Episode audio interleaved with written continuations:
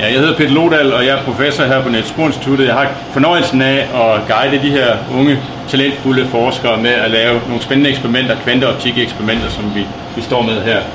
Så øh, i dag markerer vi, at vi øh, har nået et, en milepæl i vores forskning, som netop er blevet publiceret i Science, hvor vi har koblet to kvantepunkter med hinanden og entanglet to kvantepunkter med hinanden via en optisk mode i en fotonisk chip, som vi har øh, bygget her.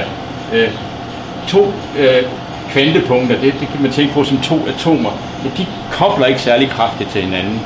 Men i de her bitte små chips, som vi er eksperter i at lave, det her er meget, meget mindre end en, størrelse end diameteren på et hår, der kan vi få to kvantepunkter til at, at blive entangled via koblingen øh, med bølgelederen.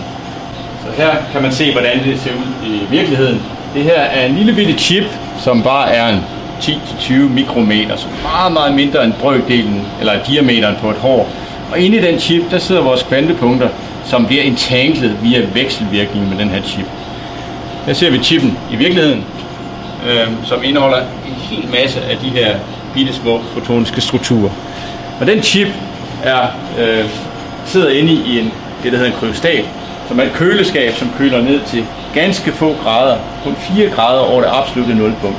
Og det er simpelthen påkrævet for, at vi kan lave de her avancerede, delikate entanglement eksperimenter. Så kræver det de her enormt lave temperaturer, for at vi ikke forstyrrer systemerne, at de kan opføre sig kvantemekanisk.